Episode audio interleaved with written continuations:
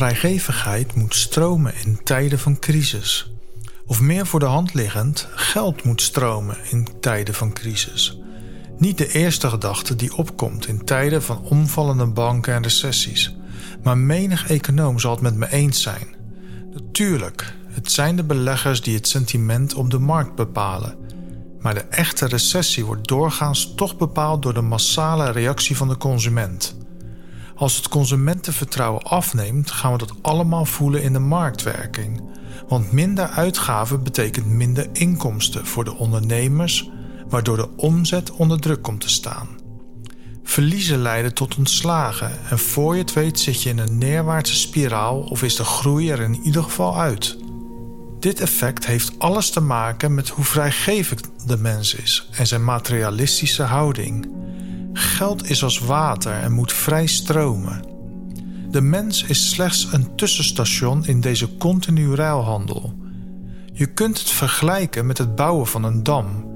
Het is uiteraard mooi dat er energie mee opgewekt wordt, maar tegelijkertijd verstoor je ook het natuurlijke ritme van de rivier.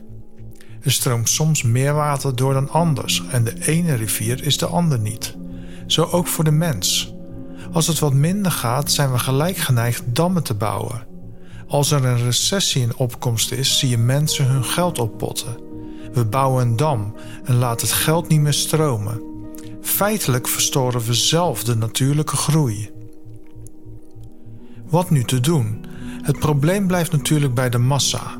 Maar toch kun je aan je eigen angst werken door vrijgevig te zijn en of te blijven. Des te eerder we allemaal weer normaal doen, des te eerder zal het natuurlijk evenwicht weer in een gezonde toestand verkeren. Maar vrijgevigheid heeft een veel groter effect, want het heeft de kracht door te werken op je naaste omgeving. Voor elkaar klaarstaan, elkaar helpen, juist in die tijden dat we met minder genoegen moeten lijken te nemen. Delen is vermenigvuldigen.